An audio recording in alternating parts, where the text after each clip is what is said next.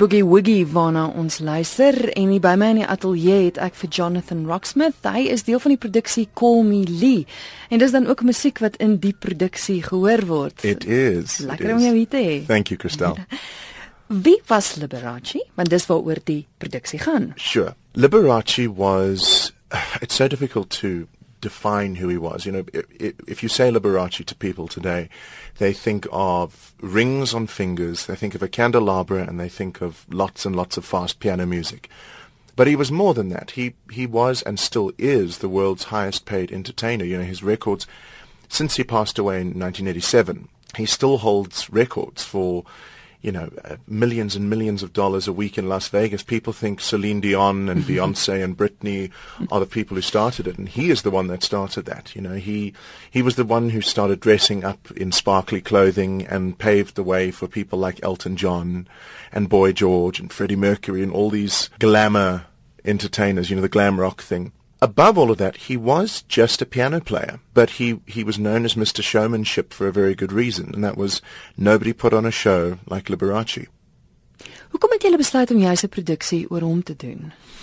I've always been a fan of Liberace. I, I I think what he did is, and I still think it is, it's genius. You know, nobody has done it since. I think the closest thing we have to him these days is André Rieu, mm. if you think about it. Yeah, yeah. You know, in terms of introducing the audience to music that perhaps they would never have sat through before.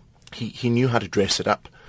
And there is no show about Liberace, and I've never understood why. So I thought, well, maybe it's time just to do to take the plunge, because my gran introduced me to the music when I was very young. I think lots of people have that story. Mm-hmm.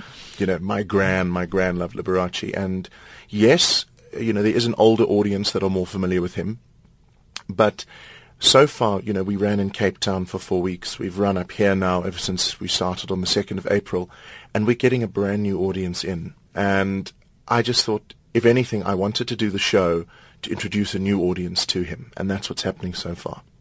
Die produksie se naam is Call Me Lee.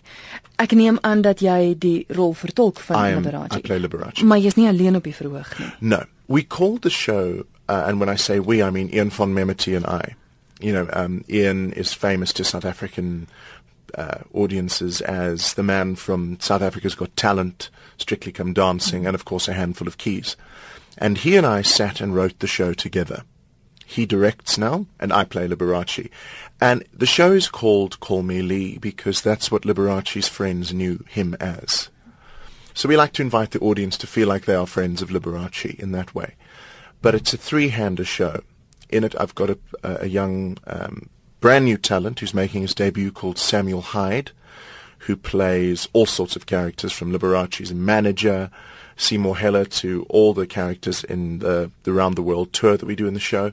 And then I have a, an actor called Wesley Lauder, who's just been seen on South African stages in the pantomime mm-hmm. as the Emperor, Wonton Tam. And he plays Liberace's brother, uh, Liberace's best friend, Carlucci, he also plays Liberace's mother, which is really he does a wonderful job because Liberace was Polish, and he plays an old, big Polish woman. And what's so interesting is when we start the show, some people don't realize it's a man. What? When he when he comes out on the second time in a different character, they go, "Oh my, it's him." And th- between the three of us, we tell the story of how Liberace went from being a pianist in bars in mm-hmm. Milwaukee to selling out Radio City Music Hall for seven weeks to 350,000 people. I mean, that is, by anybody's standards, an amazing story. And we, we do it every night. Ja, so wonderlik om uiteindelik sy lewensverhaal Yes, because that's the thing. He was much more than just a pianist, mm. and that story is touching lots of people today. You know, he went through his fair share of, of trials. We don't we don't dig into the dark, sad stories. You know, nobody wants to sit in a theatre mm. at the moment and watch that. It is what we call a concert biography.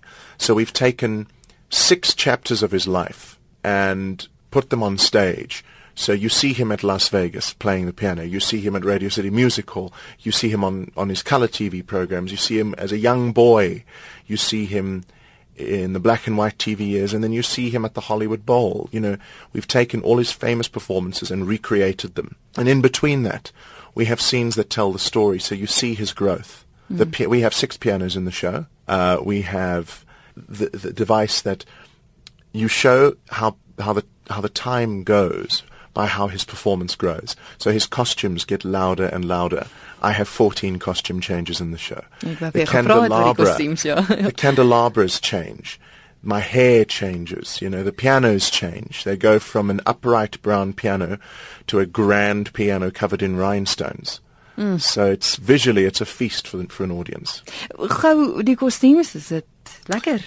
I tell you what, out of all the shows I've done, you know, not even Phantom of the Opera comes close because these costumes are some of the most glamorous and sparkling costumes I've ever worn because you can't do Liberace without mm. the the glitter, you know.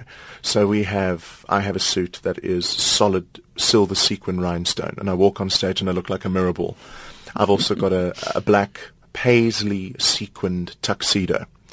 I have a French Louis XVI costume in purple. I have a the, the big surprise costume is the American costume, which is red, white, and blue. But it's a recreation of what Liberace wore, and I think older audiences will remember when I say the sequined red hot pants.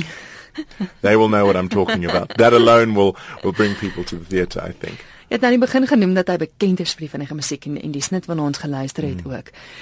'n Uitdaging om te, om te speel? Every time because Liberace above all was a, a classically trained pianist. So we're not talking, you know, a, a wonderful piano player like Billy Joel or uh, you know a, a, very nice songwriter like Elton John. We are talking a classical pianist. So it, there is a technical clarity and brilliance to his playing that you either practice and get or you don't bother. You can't fake your way. Mm. People will hear immediately. And it's it's taken me about a year because I I played the piano for a long time and uh, you know in a handful of keys it's a very definite style of playing but Liberace is so singular. I had to sit for about a year and any piano teachers who are listening will know when I say Hanon exercises day in, day out. And it's all about arpeggios and scales and glissandos, and that's all in between the playing. So it's a very athletic show, and if anything, for me, it it's made my my shoulders bigger because you sit and you use your entire upper body. So it's a challenge every time. Jy sê was Kaap, julle het nou geopen by tot wanneer yes. toe? We are running until the 27th of April. By the thing by the way things are looking, we're going to extend until the 4th of May. Mm-hmm. We are at Pieter Toerien's main theatre at Montecasino, not the Teatro, the main theatre downstairs. Bookings are through CompuTicket or through the box office. En die res van die jaar, hoe lyk dinge vir jou? Well, uh, it's the 20th anniversary of A Handful of Keys. Can you believe it? Kan jy dit glo? 20 years since that little show opened. And uh, Ian von Memerty, Roelof Colyn, and myself will be doing the 20th anniversary tour. It is a 20-week tour across the country. So we are going to be in Durban, Johannesburg, Cape Town, PE, Plett, Mossel Bay, East London, Port Elizabeth, George. We will be there. All the details are on CompuTicket, as well as Ian von website, ianvonmemerty.co.za, my website, jonathanroxmouth.com, as well as any of the theatres that we're playing at Montecasino. Jonathan, ek wil graag hê dat ons na nog 'n stukkie musiek moet luister wat wat ook in die produksie is. Waarna gaan ons luister? This is called the Beer Barrel Polka and it was Liberace's signature tune that he always played at the end of every show. And I can tell you every night we have people singing along to this roll out the barrel every night. So I hope you enjoy.